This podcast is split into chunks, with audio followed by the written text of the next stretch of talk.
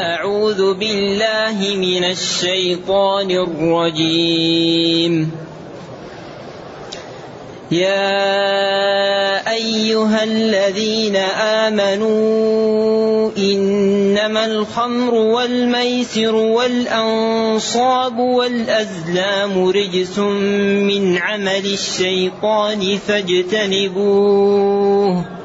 فاجتنبوه لعلكم تفلحون. إنما يريد الشيطان أن يوقع بينكم العداوة والبغضاء في الخمر والميسر. في الخمر والميسر ويصدكم عن ذكر الله وعن الصلاة فهل أنتم منتهون؟ الحمد لله. الحمد لله الذي أنزل إلينا أشمل الكتاب وأرسل إلينا أفضل الرسل وجعلنا خير أمة أخرجت للناس. فله الحمد وله الشكر على هذه النعم العظيمة والآلاء الجسيمة والصلاة والسلام على خير خلق الله وعلى آله وأصحابه ومن اهتدى بهداه. أما بعد فإن هذه السورة من السور التي تكثر فيها الأحكام الشرعية. وبالأمس كانت يعني الآيات في الأيمان. لا يؤاخذكم الله باللغو في أيمانكم ولكن يؤاخذكم بما عقدتم الأيمان. اذا درس أمس في أحكام الأيمان. وقلنا إن الأيمان منقسمه إلى قسمين يمينان يكفران ويمينان لا يكفران. والله لافعلن والله لا أفعلن هذا يكفر. والله ما فعلت والله لقد فعلت هذان لا يكفران.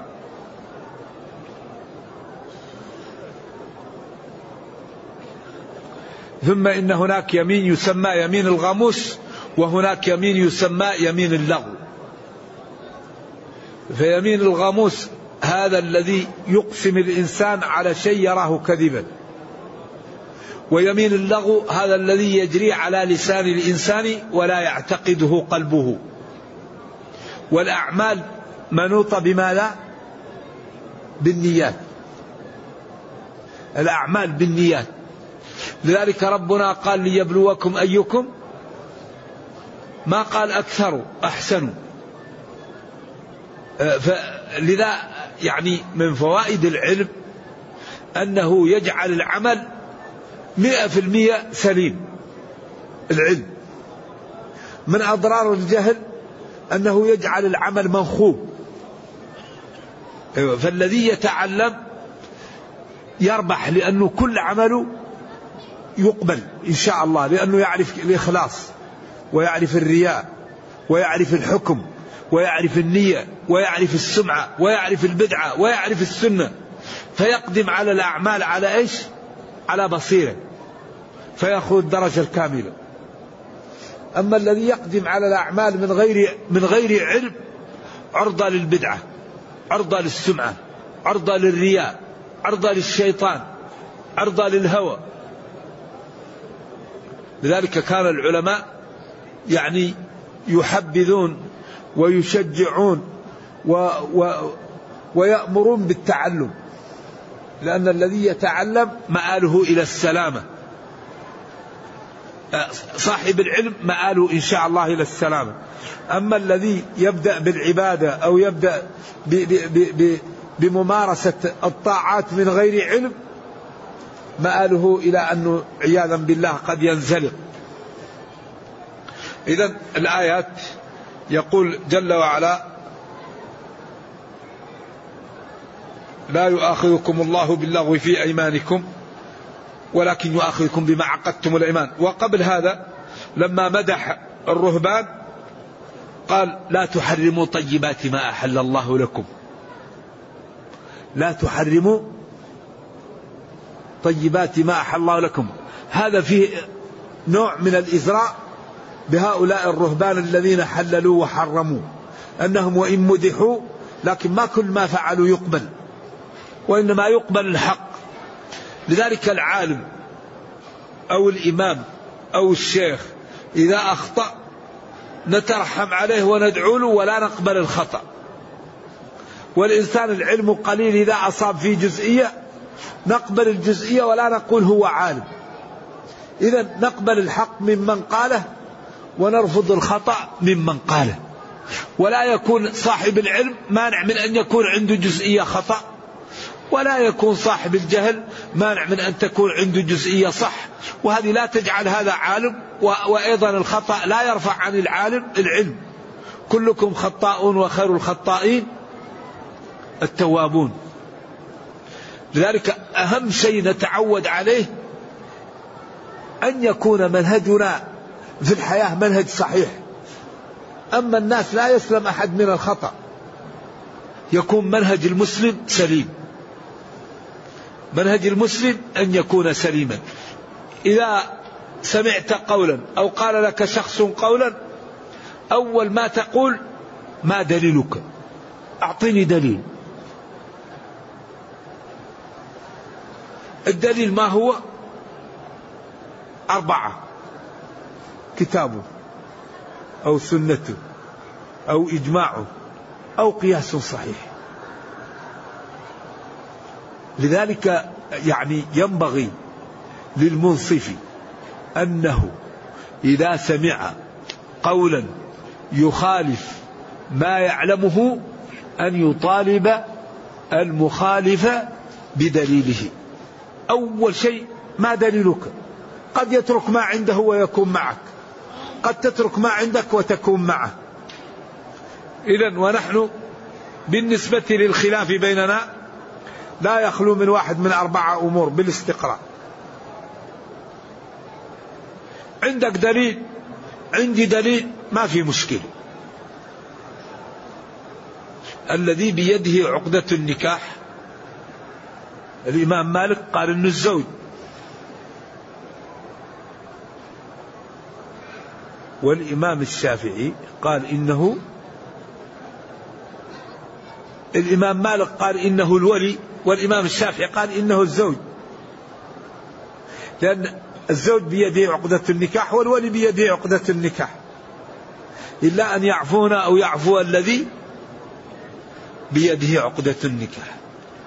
إذا من قال الولي عنده دليل ومن قال الزوج عنده دليل. تكون مالك دليل وما لي دليل الأمر سهل.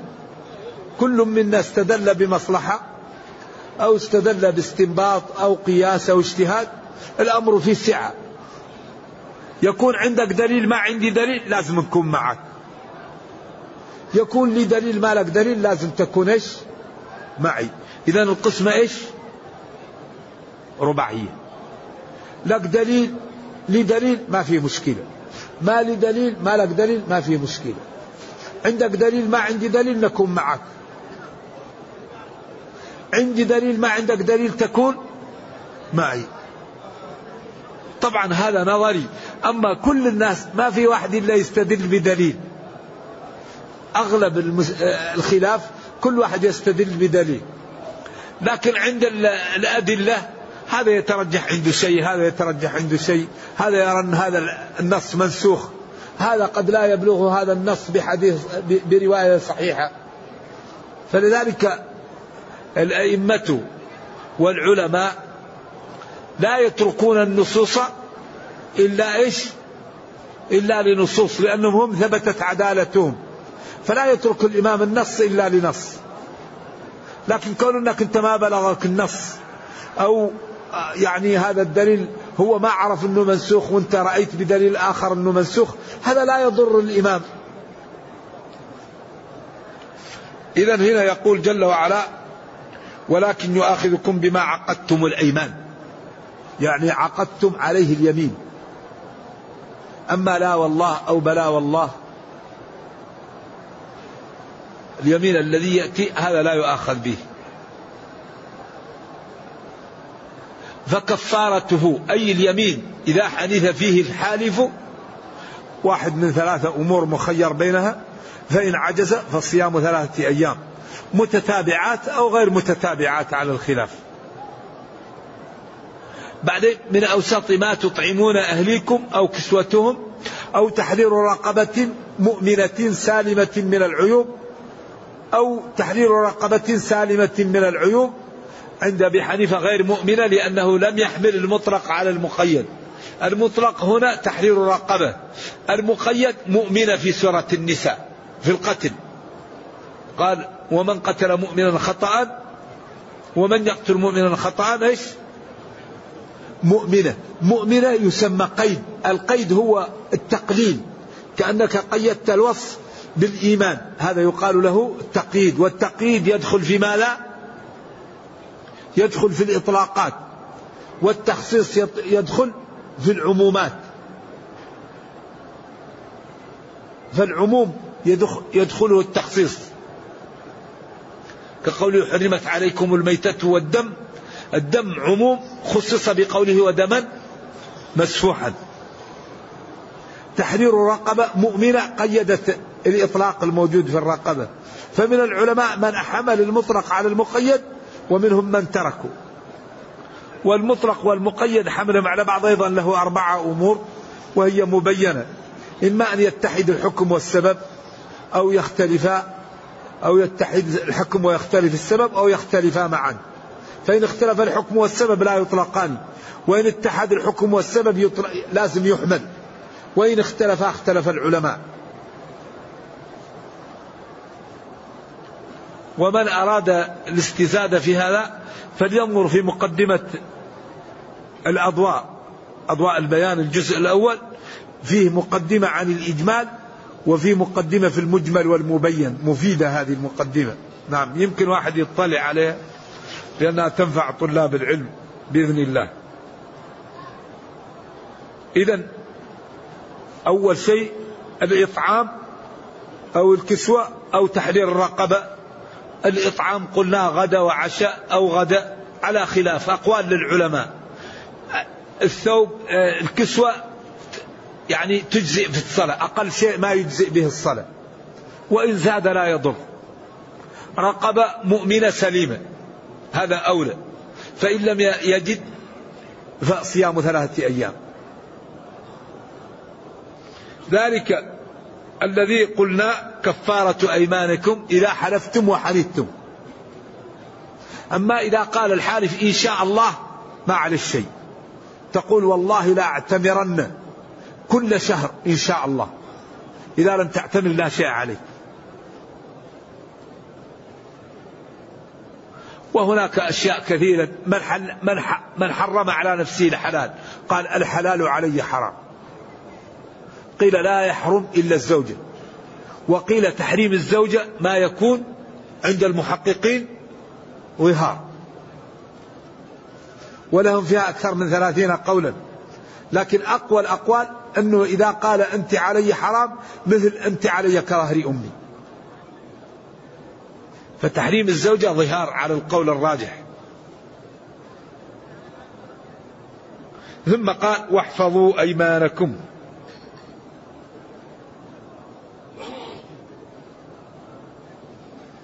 واحفظوا أيمانكم. يعني إذا أقسمتم على يمين فاعرفوها حتى تكفروا عنها أو تبروا بها. أو احفظوا أيمانكم لا تحلفوا حتى لا تلزمكم الكفارة أو تبقى عليكم الآثام. ولذلك عاب الإسلام من يجعل الأيمان مانع له من الخير. ولذلك في السنة أن العبد لا يجعل الإيمان يلج في يمينه ويكفر ولا يقطع رحمه أو يهجر إخوانه أو يمنع خير. لا تكون الأيمان مانعة لك من فعل الخير.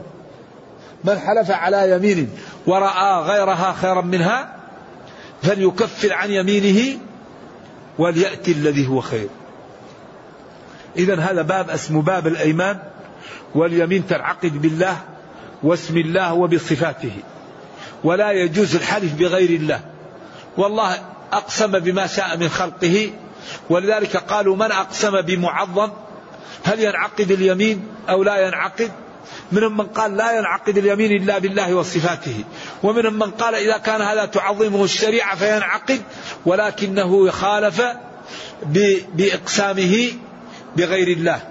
كما قال بعض العلماء إن سرق في صلاته فقالوا عصى وصحت. عصى بسرقته في صلاته وصحت الصلاة لأنه ما عمل مبطل. كذلك من لبس حريرا. ومنهم من قال لا من صلى في بلد موصوب. هل صلاته صحيحة أو غير صحيحة؟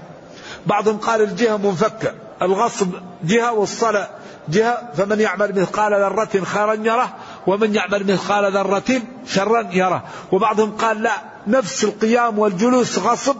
إذا لا تصح الصلاة. هل الجهة منفكة أو غير منفكة؟ فإذا كانت منفكة يكون هذا صحيح والإثم عليه وإذا كانت الجهة غير منفكة تكون الصلاة باطلة على الخلاف الموجود. مثل هذا البيان يبين الله لكم آياته لعلكم تشكرون. هذا البيان الواضح.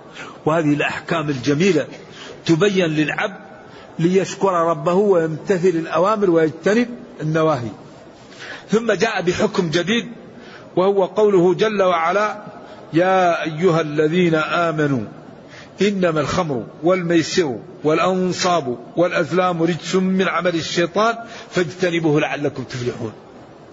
يا حرف نداء للبعيد. أي وصل للنداء المعرف؟ وهاء للتنبيه. الذين جمع الذي. آمنوا هنا تشمل 11 جملة. تشمل أركان الإيمان الستة وأركان الإسلام الخمسة. إذا يا أيها الذين أقاموا آمنوا شهدوا أن لا إله إلا الله وأن محمد رسول الله وأقاموا الصلاة وآتوا الزكاة و صاموا رمضان وحجوا البيت إن استطاعوا إليه وآمنوا بالله واليوم الآخر وبالبعث وبال كل أركان الإيمان الستة أركان الإسلام الخمسة. إنما أم الباب من صيغ الحصر. الخمر والميسر والأنصاب والأزلام. رجس محصور فيه. إذا هذا حصر صفة على موصوف. كأن الخمر والميسر والأنصاب والأزلام ما عندهم إلا محصورين على أنهم إيش؟ رجس. وهذا من الحصر الإضافي الدعائي لأنه قال هناك قل فيهما إثم كبير ومنافع للناس. إذا هنا قال إن هذه الأمور محصورة في أنها رجس. والرجس هو ما لا هو النجس. والخمر نجس حسا ومعنويا. لكن اشترك معه أشياء نجاستها معنوية وهي الأنصاب والأزلام والميسر. وهذه الأمور مضرة ومضيعة للوقت وتسبب الكراهية والبغضاء وتسبب الفتن. فلذلك رحمة بالخلق حرمها الله تعالى. الله رحيم. إنما الخمر. الخمر هذه أم الخبائث. الخمر لا يوجد مثله لأن الله تعالى ميز الإنسان واصطفاه بالعقل. فإذا شرب العاقل الخمر فقد عقله فعمل كل المعاصي. لذلك قالوا إنها أم الخبائث. والخمر ما خامر العقل وما أسكر كثيره فقليله حرام وهي تعمل من خمسة تعمل من التمر ومن الزبيب ومن الحنطة ومن الشعير ومن العسل وتعمل من غير ذلك. لكن هذه الخمسة نص في الأحاديث الصحيحة أنها يعمل منها إيش؟ الخمر. والخمر ما خامر العقل.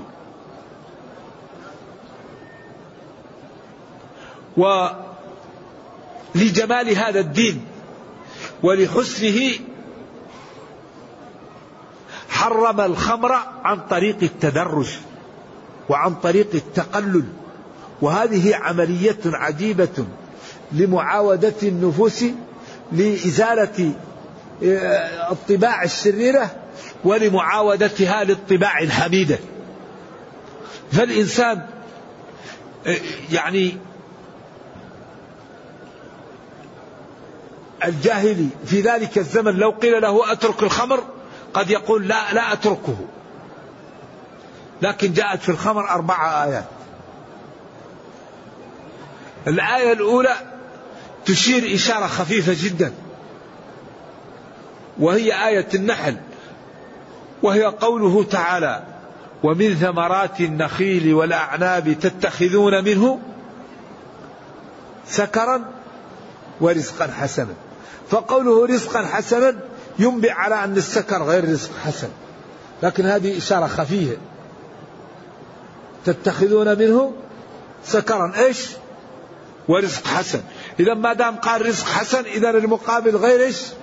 غير حسن. هذه إشارة خفيفة. ثم جاءت وإثمهما أكبر من نفعهما. هذه أكبر. لذلك تركها بعض الصالحين وقال عمر اللهم بين لنا في الخمر. اللهم بين لنا في الخمر. جاءت الآية الثالثة لا تقربوا الصلاة وأنتم سكارى. أصبحوا لا يشربونها إلا بعد العشاء أو بعد الفجر. لأنهم إذا شربوا في غير الوقتين احتمالا تأتي الصلاة وهو ثمي وهو سكران. فيلبخ في الصلاة كما قال الصحابي أعبد ما تعبدون وحذف لا. والخمر حرمت في السنة الثالثة. لما سعد بن أبي وقاص جاء لشرب من الأنصار وشربوا وأكلوا وقال إن المهاجرين أحسن من الأنصار. فسمعه أنصاري كان ثملا وأخذ حنك يعني عظم من من رأس كان جنبه فضربه به حتى أدماه. فنزل التحريم.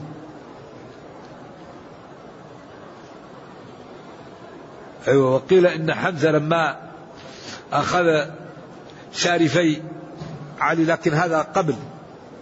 أيوة. وأجب أسنامهما وذبحهما وتأثر علي لأن كان عنده رضي الله عنه شارفان يريد أن يعمل بهم. أيوة. زواجه على كان يريد أن يأتي مع قين ليأتي ببعض الأشياء ليبيعها ليستعين بها. فجلسوا فلما جاء النبي صلى الله عليه وسلم ورآه طالع فيه وقال هل أنتم إلا عبيد أبي؟ فمس النبي صلى الله عليه وسلم القهقرة عرف أن حمزة رضي الله عنه. فلذلك كان عمر يقول اللهم بين لنا في الخمر. اللهم بين لنا في الخمر. فجاءت الآية الرابعة وهي فاجتنبوه. إنما الخمر والميسر والأنصاب والأزلام رجس من عمل الشيطان. فاجتنبوه. اجتنبوه هذا أمر للوجوب ابتعدوا عنه.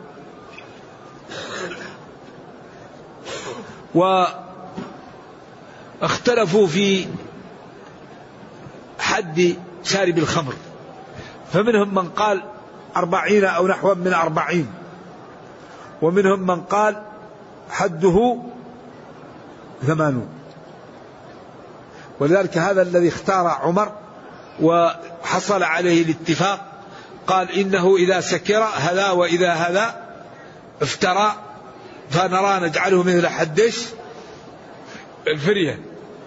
ولذلك قال علي لا أضرب أحدا على حد ويموت ويبقى في نفسي شيء إلا إيش؟ إلا الخمر. لأنه قال جلد نحو من أربعين وجلدوه بالجريد والنعال. ثم جاء عمر بعده وقال إن الناس تسارعوا في هذا. واتفق الصحابة عليه. إذا و اختلفوا هل الخمر نجس العين أو طهر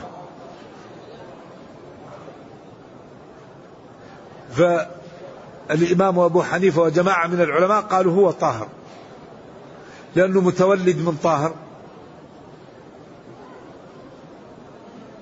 والجمهور قالوا نجسه. واستدلوا بدليلين أو بأدلة من أقواها قوله رجس والرجس في اللغة العذرة.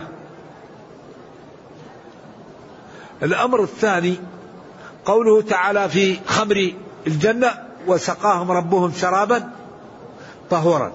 هذا يدل على أن خمر الدنيا غير طهور أنه نجس. هذا المفهوم. ولكن إذا تخلل أو تحجر يطهر. لذلك الخمر إذا نشف وأبقى ناشف أو تخلل من حاله يطهر. أما إذا خلل لا يبقى مادة الخمر فيه. الميسر هو القمار. وقد يدخل فيه النردشير والكرت إذا كان يؤخذ عليها فلوس. والبلوت وال كل هذه الأمور ينبغي للمسلم أن يبتعد عنها. قال ابن رشد في المقدمات في تحريم الغنى وما لا ينفع قال فما لا بعد الحق إلا الضلال. إذا النردشير والبلوت والضومنة هذه الأمور لا ينبغي للعاقل أن يضيع فيها وقتا لأن المسلم إما أن يشتغل فيما يصلح له دنيا أو فيما يصلح له أخرى. أما المسلم يشتغل ليضيع وقته ولا يوجد شيء في الدنيا أثمن من الوقت لا يوجد شيء أنفع من الوقت. الوقت تكتسب به المال تكتسب به الحسنات تكتسب به التجربة تكتسب به الإبداع القوة. لا يوجد شيء ينفع من الوقت. فالمسلم ما يضيع وقته. فلذلك آه، يعني لا يضيع وقته في الألعاب ولا في شيء وإنما يضيع يشتغل. إما أن يذكر الله أو يصلي أو يعمل لدينه أو لدنياه. فإن كان أو يساعد الناس. يكون دائما المسلم هو قدوة في الخير. أما إنسان عاقل سوي يجلس ليضيع وقته بدون فائدة تجد ناس جالسين ليضيع وقتهم يلعبون.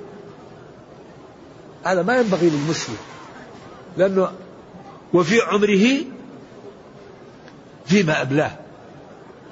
لا تزول قدما عبدي حتى يسأل أربع فلذلك يعني ولذلك شو اسمه هذا هذا الذي يعمل عالميا واللعبة اللي يقولون الشطرنج بعض العلماء قال هذه لا يجوز لعبها. كذلك النردشير والأشياء هذه. وقالوا هذه تضيع الوقت وتأخذ وأما إذا كان فيها مال فبالإجماع لا تجوز. أما إذا لم يكن فيها مال فأقل ما فيها أنك تضيع وقتك من غير أن تنفع دينك ولا دنياك. أنك تأخذ بعض الوقت وتحرقه من غير أن تنتفع فيه لدنياك أو لدينك. وهذا أمر لا ينبغي للعاقل. إذا الميسر هو من اليسر وهو القمار. و الأنصاب جمع نصب وهو المحل الذي يذبحون لآلهتهم. والأزلام القداح التي يتقاسمون بها. يقول أفعل لا تفعل غفل. فإذا أراد أن يسافر يرميها فإذا جاء أفعل يمشي. إذا قال لا تفعل يجلس.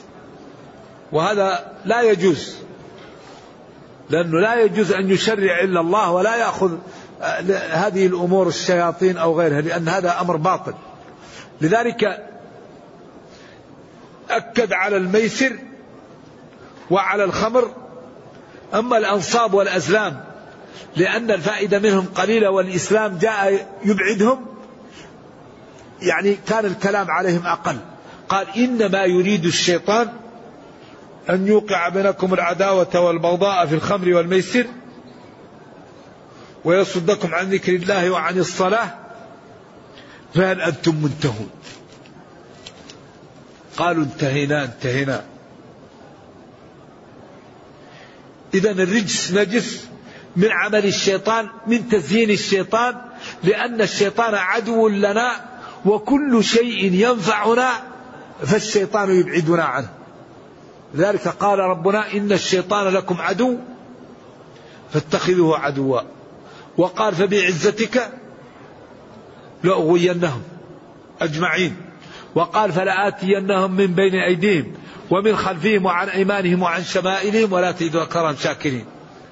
ولذلك قال ولقد صدق عليهم إبليس ظنه. وهو إقسام أنه يضلنا وسيوضع له منبر في النار ويخطب خطبته المشهورة. وقال الشيطان لما قضي الأمر إن الله وعدكم وعد الحق. ووعدتكم؟ فأخلفتكم.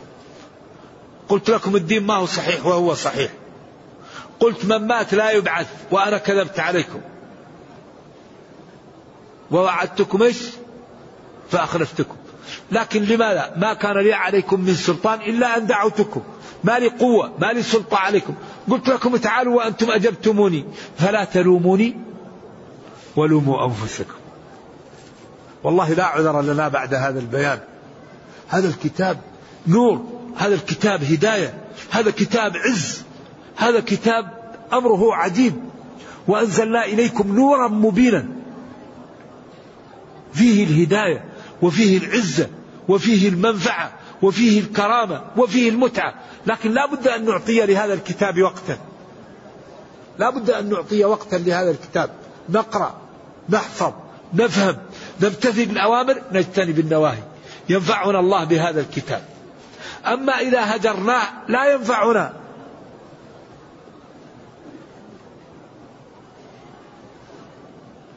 لعلكم تفلحون. اجتنبوه. لعل أيوه. لكي تنجوا ليكون ذلك سببا في نجاتكم. والفلاح هو الأمن من مما يخاف وأن تدرك ما ترغب فيه. هذا هو الفلاح في اللغة. وهو أن تدخل الجنة وتسلم من النار. والفلاح هو الفوز.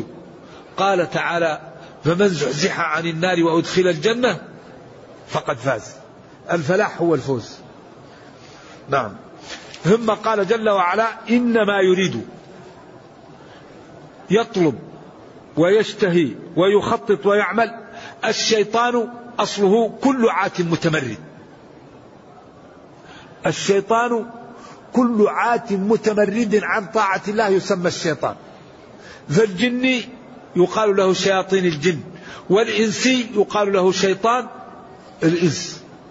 ولذلك الشياطين يتعاونون على على المسلمين. وقال وإخوانهم يمدونهم في الغي ثم لا يقصرون. وقال شياطين الإنس والجن يوحي بعضهم إلى بعض زخرف القول غرورا. لذلك شياطين الإنس يستعينون بشياطين الجن وشياطين الجن لا يقبلون للإنس أن يخدمهم إلا إذا أعطى حقوق الله لهم.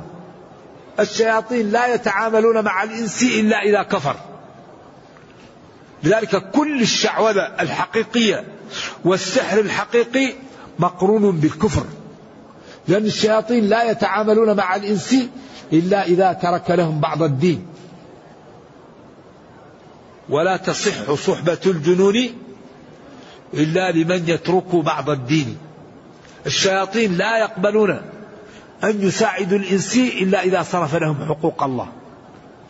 ولذلك قال تعالى وما كفر سليمان ولكن الشياطين كفروا يعلمون الناس السحر. وقال هناك وما يعلمان من أحد ما موصوله. بدليل قوله إنما نحن فتنة فلا تكفر. ولذلك نبلوكم بالشر والخير فتنة. وبدليل قوله تعالى ولا يفلح ولا يفلح الساحر. لا يفلح هذا التعبير في القرآن يدل على الكفر. كلمة لا يفلح في القرآن تدل على الكفر. إذا هذه الشياطين ينبغي الحقيقة أن يبتعد عنهم وأن يحمى يحمي الإنسان نفسه منهم بالتجاه إلى الله. لأن شياطين الجن ما للإنسان معهم إلا الاستعاذة بالله. وإما ينزغنك من الشيطان نزغ فاستعذ بالله. أما شياطين الإنس فتقابل لهم الإساءة بالإحسان. قال خذ العفو وأمر بالعرف وأعرض عن الجاهلين هؤلاء شياطين الإنس. ثم قال وإما ينزغنك من الشيطان نزغ فاستعذ بالله. وقال هناك ادفع بالتي هي أحسن. فإذا الذي بينك وبينه عداوة كأنه ولي حميم وما يلقاها إلا الذين صبروا وما يلقاها إلا ذو حظ عظيم. وإما ينزغنك من الشيطان نزغ فاستعذ بالله. إذا الشياطين نوعان. شيطان الإنس تبادل الإساءة بالإحسان. يلين في يدك ويبقى كالعجين. وشيطان الجن تستعذ بالله منه فإن الله تعالى يعيذك ويحميك لأنه كريم ويقول ادعوني أستجب لكم ويقول إن عبادي ليس لك عليهم سلطان. إنما سلطانه على الذين يتولونه. إن كيد الشيطان كان ضعيفا.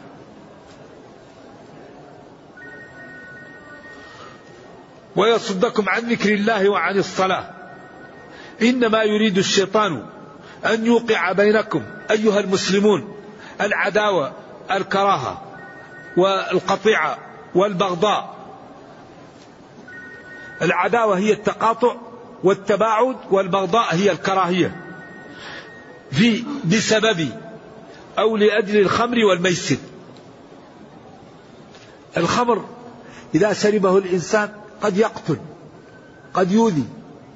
الميسر هذا يجعل الإنسان ماله للآخرين. يبيع بيته ويبيع أهله وأولاده فيبقى معدما عياذا بالله. فهذا يسبب الكراهية ويسبب البغضاء ويصدكم عن ذكر الله وعن طاعته بشرب الخمر وبالميسر. فهل أنتم منتهون؟ انتهوا. انتهوا واتركوا هذه الأمور فإن تركها واجب ويصلح لكم دنياكم وأخراكم. ونرجو الله جل وعلا أن يرينا الحق حقا ويرزقنا اتباعه وأن يرينا الباطل باطلا ويرزقنا اجتنابه وأن لا يجعل الأمر ملتبسا علينا فنضل.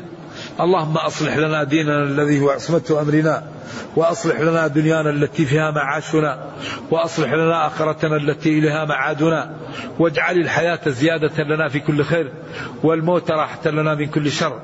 اللهم ربنا آتنا في الدنيا حسنة وفي الآخرة حسنة وقنا عذاب النار سبحان ربك رب العزة عما يصفون وسلام على المرسلين والحمد لله رب العالمين والسلام عليكم ورحمة الله وبركاته. هذا سائل يقول نريد أن نتعلم أمور الدين فما لا تنصح أن نقرأ من الكتب مع العلم أني حديث عهد بالالتزام. تذهب إلى الشيخ الذي تريد أن يعلمك وهو يدلك على الأمر. وأهم شيء يبدأ به طالب العلم هو أن يتعلم فروض العين ثم يتعلم اللغة العربية. لأن الضعف المستشرية بين طلاب العلم مدرسين ومدرسين ناشئ عن أمرين. هذا لازم نشيع بيننا. الضعف المستشري والشيخوخة المبكرة التي تعيشها جامعات العالم الإسلامي ناشئة عن أمرين. الأمر الأول عدم الاهتمام بحفظ المتون. الأمر الثاني الضعف في العلوم المساعدة في علوم الآلة. إذا كل الضعف ناشئ من أن طالب العلم لا يحفظ متونا. والبخاري سبق أقرانه بالحفظ. لا يحفظ متونا ولا يعرف العلوم المساعدة علوم الآلة. أعني النحو والصرف والبلاغة وأصول الفقه ومصطلح الحديث والقواعد الأصولية والفقهية وبما يجمل الكلام وبما يقبح. نعم هذه العلوم الآلة علوم المساعدة لا بد لطالب العلم من أن يفهمها لأن الشريعة وعاها اللغة العربية. والله قال بلسان عربي مبين. فإذا كان طالب العلم لا يفهم العربية من أين له يفهم الدلالات من أين له يفهم المفردات؟ من أين له يفهم علاقة الجملة بالجملة؟ من أين له يستنبط؟ من أين له يرجح؟ فالحقيقة هذا الجانب. ويبدأ بصغار العلوم ولا يستعجل. والعلم ينال بستة ذكاء وحرص. واجتهاد وتفرغ وصحبة الشيخ وطول الزمن. الذكاء والحرص. كل ما رأى كتاب يكتبه. كل ما حفظ مسألة يقيدها كل ما سمع شيء يكتبه. اجتهاد. لا يضيع يوما. قال الشافعي من دخل في أمرنا هذا فلا يضيع ساعة. ف والعلم الحقيقة لا يوجد مثله. الذي يريد الجنة يتعلم والذي يريد الدنيا يتعلم والذي يريد العز يتعلم والذي يريدهما معا يتعلم. قال بعض السلف تعلمنا العلم لغير الله فأبى العلم أن يكون إلا لله. عندما ننكر على أهل البدع زيارة الأضرحة يقولون إن قبر النبي عليه الصلاة والسلام ضريح ويزار. رجاء الإفادة جزاء جزاكم الله خير. يا أخي القبور تزار لغرضين. الاتعاظ والدعاء لأصحابها. كنت نهيتكم عن زيارة القبور فزورها فإنها تذكر الآخرة. ولما جاءها صلوات الله وسلامه عليه قال السلام عليكم أهل الديار من المؤمنين وإنا إن شاء الله بكم لاحقون يغفر الله لنا ولكم. وكان يذهب ويقول اللهم اغفر لأهل بقيع الغرقد. ونبينا صلى الله عليه وسلم هو أسرف الخلق. ولا يدخل أحد الجنة إلا عن طريقه من, من أمته. ولا يكمل إيمان الإنسان إلا إذا أحبه أكثر من نفسه ووالده وولده. لكن لم يثبت شيء في زيارة قبره. ما قال العلماء كل ما جاء في زيارة قبره لا يصح. عن كله. من, من حج فلم يزرني فقد جفا. هذا كله يقول لا يصح منه شيء. وثبت توفي النبي صلى الله عليه وسلم عن الصحابة وهم مئة ألف وعشر ألاف الذي ثبت زيارته ثلاثة منهم. أنس وابن عمر وثالث. والشارع قال وليس من رجع من دون النبي ما زاره في حجه بمذنبي صلوات الله وسلامه عليه. بأبيه وأمه. الدين اتباع. الدين الاتباع اتبعوا ما أنزل إليكم. فإن تنازعتم في شيء فردوه إلى الله والرسول. تركت فيكم ما إن تمسكتم به لن تضلوا كتاب الله وسنتي. إذا والقبور تزار للاتعاظ والدعاء لها. أما البناء على القبور والدعاء ودعاء هذا خطير جدا. البناء على القبور منهي عنه. ودعاء القبور خطر. القبور يدعى لها. لا يدعى إلا الله. إذا سألت فاسأل الله. وقال ربكم ادعوني. ما قال؟ وقال ربكم اتخذون الوسائل. وقال في سورة النمل أمن يجيب المضطر إذا دعاه. وقال بعدها قليلا ما تذكرون. هذه الآيات عجيبة. قل الحمد لله وسلام على عباده الذين اصطفى. آه الله خير مما تشركون. أمن خلق السماوات والأرض. إلى أن قال أمن يجيب المضطر؟ وبعد هذا قال قليلا ما تذكرون لأن أي واحد الآن تقول له من خلق الجبل يقول لك الله من خلق البحر الله من خلق الغابة الله. لكن من يجيب المضطر؟ آه الولي بعض كل بلد فيه أولياء. ولذلك قال يجيب المضطر ويكشف السوء ويجعلكم خلفاء. هذه الأشياء هي اللي تطلب من الأولياء. يجي الولي ويقول الله الله أتيناكم قاصدون ومثلكم يقصدون ومن قصد الأجواد ليس يخيب. هو مسكين مات انقطع عمله إلا من, من دعوة أو صدقة. كيف تأتيه وتسأله؟ هذا مشكل هذا وبعدين قال قليلا ما تذكرون. أمن يجيب المضطر ثم قال قليلا ما تذكرون. حيث تقولون الله خلق الجبل وتقول غير الله يجيب المضطر وهما شيء واحد. كما أنه لا لا يخلق إلا الله لا يجيب المضطر إلا الله. ذلك سبحان الله هذا الدين واضح لكن ينبغي للمسلم أن يعطيه الوقت. وينبغي للمسلم أن يكون عبدا لله. لا يقول شيخي قال أبي قال عندنا كذا هذا خطر هذا الذي حجب أعاذنا الله وإياكم. أبو حجب أبا طالب من أن يدخل في الإسلام. منع. أبو طالب من الدخول في الإسلام أنه ما يريد أن يخالف دين الأشياخ. قال له نبينا صلى الله عليه وسلم يا عم قل لا إله إلا الله. قال له شياطين الإنس أترغب عن ملة عبد المطلب؟ شوف أثار فيه غريزة حنى أبي قال شيخي قال عندنا في المذهب. قال له قل كلمة أحاج لك بها عند الله. لكن ما استوعب هو سيد الوادي يتبع ابن أخيه يتيم.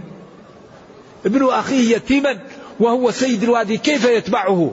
فشرق من هذا عياذا بالله حتى مات عليه على الكفر. ذلك المسلم يكون عبد لله. اتبعوا ما أنزل إليكم. فإن تنازعتم في شيء فردوه إلى الله ورسوله إنما كان قول المؤمنين إذا دعوا إلى الله ورسوله ليحكم بينهم أن يقولوا سمعنا وأطعنا. فالمسلم يجعل النصوص أمامه ويحترم العلماء ويوقرهم ويبجلهم ويختار رأهم عن رأيه. لكن النص معصوم النصوص معصومة. هذه أمور إذا فهمها المسلم مباركة. يقول سمعت لا يقبل صلاة أربعين يوما بعد شرب الخمر. هل يوجد لهذا القول؟ أصل يوجد له أصل لكن هذه الأمور أحاديث الوعيد تمر. لا يزني الزاني حين يزني وهو مؤمن. نعم. هذه يقال لها أحاديث الوعيد. أيوة تترك على ظاهرها للتخويف. ومن يقتل مؤمنا متعمدا فجزاؤه جهنم خالدا فيها وغضب الله عليه ولعنه وأعد له عذابا عظيما. قال العلماء أي إن جازاه الله. هذا احاديث الوعيد. نعم. ما معنى قول النبي صلى الله عليه وسلم ساعة وساعة وما هو الترويح المشروع؟ ساعة تعبد الله وساعة تخرج. تصلي العصر وتخرج لبستان أو لمحل وتجلس. تخرج لبستان تخرج لنزهة لراحة تخرج لزيارة قريب. لأنك ساعة تعبد الله وساعة تستريح فيها. لأن لأن المنبت لا أرضا قطع ولا ظهرا أبقى. وقال لعبد الله بن عمرو بن العاص لا تفعل. إن لنفسك عليك حق ولأهلك عليك حق ولزورك عليك حق فأعطي كل ذي حق حقه. وكان قال ليتني قبلت رخصة رسول الله ثم من الشهر ثلاثة أيام وأختم القرآن في شهر. قال أطيق أكثر من ذلك. قال لا صيام أحسن من صيام داود ولا يختم المسلم القرآن في أقل من ثلاث ثلاثة أيام. فلما ضعف أصبح يقول ليتني قبلت رخصة رسول الله صلى الله عليه وسلم وقال شيء فارقت عليه آه، النبي صلى الله عليه وسلم لا أريد أن نخالفه لذلك اعملوا من العبادات ما تطيقون وأحب العبادة إلى الله أدومها. فذلك ديننا دين يسر ودين سماحة. ما حكم ما يسمى بشراب الطاقة؟ وهو شراب يعطي الجسم نشاطا وحيوية. الله أعلم. لا أعرف. ما حكم لعب الشطرنج من باب الترويح عن النفس وبدون مال؟ أقل ما يقال فيه أنه خلاف الأولى.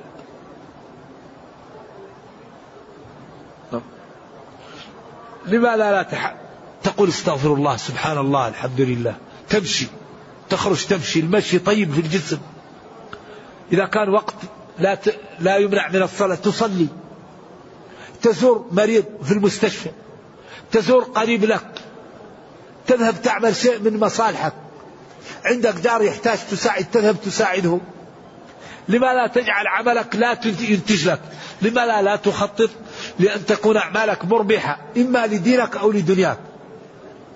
العقل ينبغي أعماله تكون مربحة إما أن ينتج لدينه أو دنياه. أما يعمل ليضيع الوقت هذا ما يعمله العقل يقول يا شيخ لا شك أن اللغو مباح. ما كل لغو مباح؟ لا ولكن هل صاحب اللغو يكون من أهل الفردوس الأعلى؟ قال تعالى قد أفلح المؤمنون الذين هم في صلاتهم خاشعون والذين هم عن اللغو معرضون. في ناس أصحاب همم وفي ناس يريد السلامة. ولذلك صاحب الهمة يريد الفردوس. واللي ما عنده همة يقول لك يا أخي أنا بس ما أبقى النار خليني ندخل أي محل. في واحد عنده همة عالية. في واحد ولذلك أصحاب الهمم هم اللي ينالوا ينالوا المنازل. لأن الفضائل ثمار شجر يسمى علو الهمة. الذي لا تعلو همته لا يمكن ينال الفضائل. لا لا يحمل الحقد من تعلو به الرتب ولا ينال العلا من طبعه الغضب. إن السيادة فاعلمن مشقة. لولا صعوبتها لساد الأرذل ما كل من طلب السيادة نالها ما نالها إلا الكريم المفضل. ف ونعم تحتاج إلى ثمن. ونعم جزاه الله خير أكرمه الله أعزه الله. هذه لها ثمن. بذل المال بذل الوقت بذل الجاه الصبر التغاضي التعب للآخرين. التعب لربك تصلي تصوم. تغض بصرك تكف لسانك. تنال الفضائل الفضائل بثمنها. يقول فهل يجوز إنما الأعمال بالنيات. فهل يجوز تحضير النية في وسط العمل أو في آخره؟ نعم. العبادات بعضها لا بد فيه من النية ليرفع عنك الوجوب. وبعضها إذا لم تنوى النية يسقط عنك الطلب. مثل قضاء الديون وبعض الأمور. إذا إذا أحضرت النية يسقط عنك الطلب وتؤجر. وإذا لم تحضر النية يسقط عنك الطلب لكن لا تؤجر. أما العبادات الغير معقولة المعنى لا بد فيها من النية. لذلك النية تميز العبادة من العادة وتميز فرض العين من فرض الكفاية وتميز فرض الكفاية من المندوب والمباح. إذا النيات فائدتها أنها تميز العبادات. العبادة فيها واجب وفيها سنة مؤكدة وفيها مندوب وفيها مباح. في عبادة يعني مباح لك مباح لك تصلي أي وقت. صلاة غير, غير سنة. من صلى ركعتين لا يحدث فيهما نفسه غفر له ما تقدم من ذنبه. من قال لا إله إلا الله وحده لا شريك له. له الملك وله الحمد وهو على كل شيء قدير. عشر مرات كان كمن اعتق أربعة أنفس من ولد إسماعيل في الصحيحين. واتفق عليه. إذا هذا خير لكن ما هو لازم؟ إذا ما فائدة النية أنها تمايز العبادات. فائدة النية أنها تجعل العمل القليل كبير. ترك النية يضيع عليك الأعمال. هناك بعض الأعمال لا تكون لها نية فما حكمها؟ لا يكون لها أجر. يصلي الرجل ويكتب له ربع الصلاة ثلثها ثمنها ولا يكتب له شيء. لأنه ما ما نوى النية يسقط عنه الطلب لكن لا يجد الأجر. لذلك هذا ثمرة العلم أن الإنسان أعماله تكون له. فائدة العلم أن صاحبه أعماله تكون له. يستحضر النية. ما يقدر يجيه الشيطان. ما يقدر يجيه الرياء. ما يقدر يجيه البدعة. لأن العلم يحميه بإذن الله. لذلك قال العلماء طلب العلم أفضل من نافلة العبادة. الذي يطلب نافلة العلم أفضل ممن يبيت قائم الليل. لأن نافلة العلم منفعتها متعدية وقيام الليل منفعته لصاحبه. ما رأيك في من يقول إن اللحية قذارة وحلقها نظافة؟ هذا لا يجوز. هذا يخشى عليه. اللحية من سنن الأنبياء. قال ابن أم لا تأخذ بلحيتي؟ وقال أولئك الذين هدى الله فبهداهم اقتدي. قال أوفروا اللحى اسبلوا اللحى اسدلوا اللحى. أمرني ربي أن نقص هذا وأترك هذا. هذا لا يقال الذي يقال يقول هذا يخشى عليه؟ ولذلك هذه سنة واجبة بالإجماع وينبغي للمسلم أن يتركها لوجه الله وإذا سخر الناس منه أو قالوا له تيس أو مطوع أو لا تفهم قل لمن قال لك هذا أمنعني من الموت. أمنع يا إذا كنت تريد أن تسخر مني أني امتثلت أمر ربي أمنعني من الموت. ما دام الله؟ قال كل نفس ذائقة الموت. وإنما توفون أجوركم يوم القيامة فمن زحزح عن النار وأدخل الجنة فقد فاز. وما الحياة الدنيا؟ لمتاع الغرور. الذي يريد أن يسخر ممن يستقيم قل للساخر أمنعني من الموت يا أخي. لكن الإنسان إذا وضع في القبر ومشى الناس يعرف المستقيم قيمة الاستقامة ويعرف أعوذ بالله الذي يتهتك ويسخر من الدين خطورة السخرية. ولذلك السخرية من الدين أعوذ بالله سبب للشقاء. أبو لهب ماذا قال؟ قال تبا لك لسائر اليوم دعوتنا. ماذا قال له ربه؟ سيصلى نارا ذات لهب وهو يسمع ولا يقدر يقول لا إله إلا الله. لأن الله حال بينه وبين الإيمان. نرجو الله السلام والعافية. حديث النبي عليه الصلاة والسلام لا صلاة لمسبل أو كما قال. لا أعرف الحديث هذا لكن أعرف حديث من جر ثوبه خيلاء وهو صحيح وما تحت الكعبة في النار. والنووي وكثير من العلماء حمل المطلق على المقيد ورشحوا ذلك بقوله لأبي بكر لست منهم.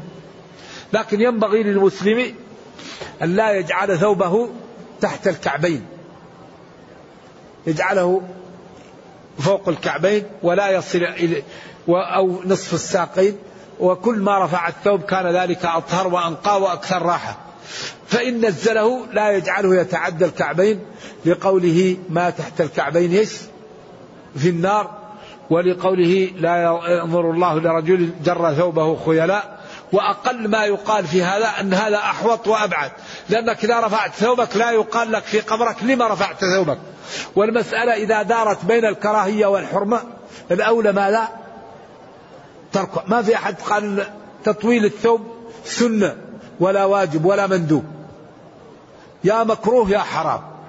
والمسألة إذا دارت بين الكراهية والحرمة الأولى أن يبتعد عنها ماذا المسلم ويعلم أن الدين لا بد فيه من الابتلاء. هذا الإسلام لا بد أن نبتلي. أم حسبتم أن تدخلوا الجنة؟ ولما يعلم الله الذين جاهدوا منكم ويعلم الصابرين ألف لام ميم. أحسب الناس أن يتركوا أن يقولوا آمنا وهم لا يفتنون؟ ولقد فتنا الذين من قبلهم فلا يعلمن الله الذين صدقوا ولا يعلمن الكاذبين. هذا الدين لازم له من ضريبة. يهزأ بك يسخر بك تجد تعب في بيتك من جيرانك. أي القابض على دينه؟ كالقابض على الجمر. لذلك هذا الدين بدأ الإسلام غريبا وسيعود غريبا كما بدأ فالطوبى للغرباء. فينبغي للمسلم أن يرفق بالناس ويكون قدوة في الخير ويدعو الناس بأخلاقه. لأن الدعوة الحقيقية هي القدوة الحسنة. القدوة الحسنة. وما أريد أن أخالفكم إلى ما أنهاكم عنه. أتأمرون الناس بالبر وتنسون أنفسكم وأنتم تتلون الكتاب؟ كبر مقتا عند الله أن تقولوا ما لا تفعلون. أكبر خدمة للإسلام وأكبر دعوة القدوة الحسنة. وإكرام الناس. الطيب نكرمه لأنه طيب والبطال نكرمه لإزالة البطالة عنه. فطالما استعبد الإنسان إحسانه. ونكتفي بهذا والله أعلم.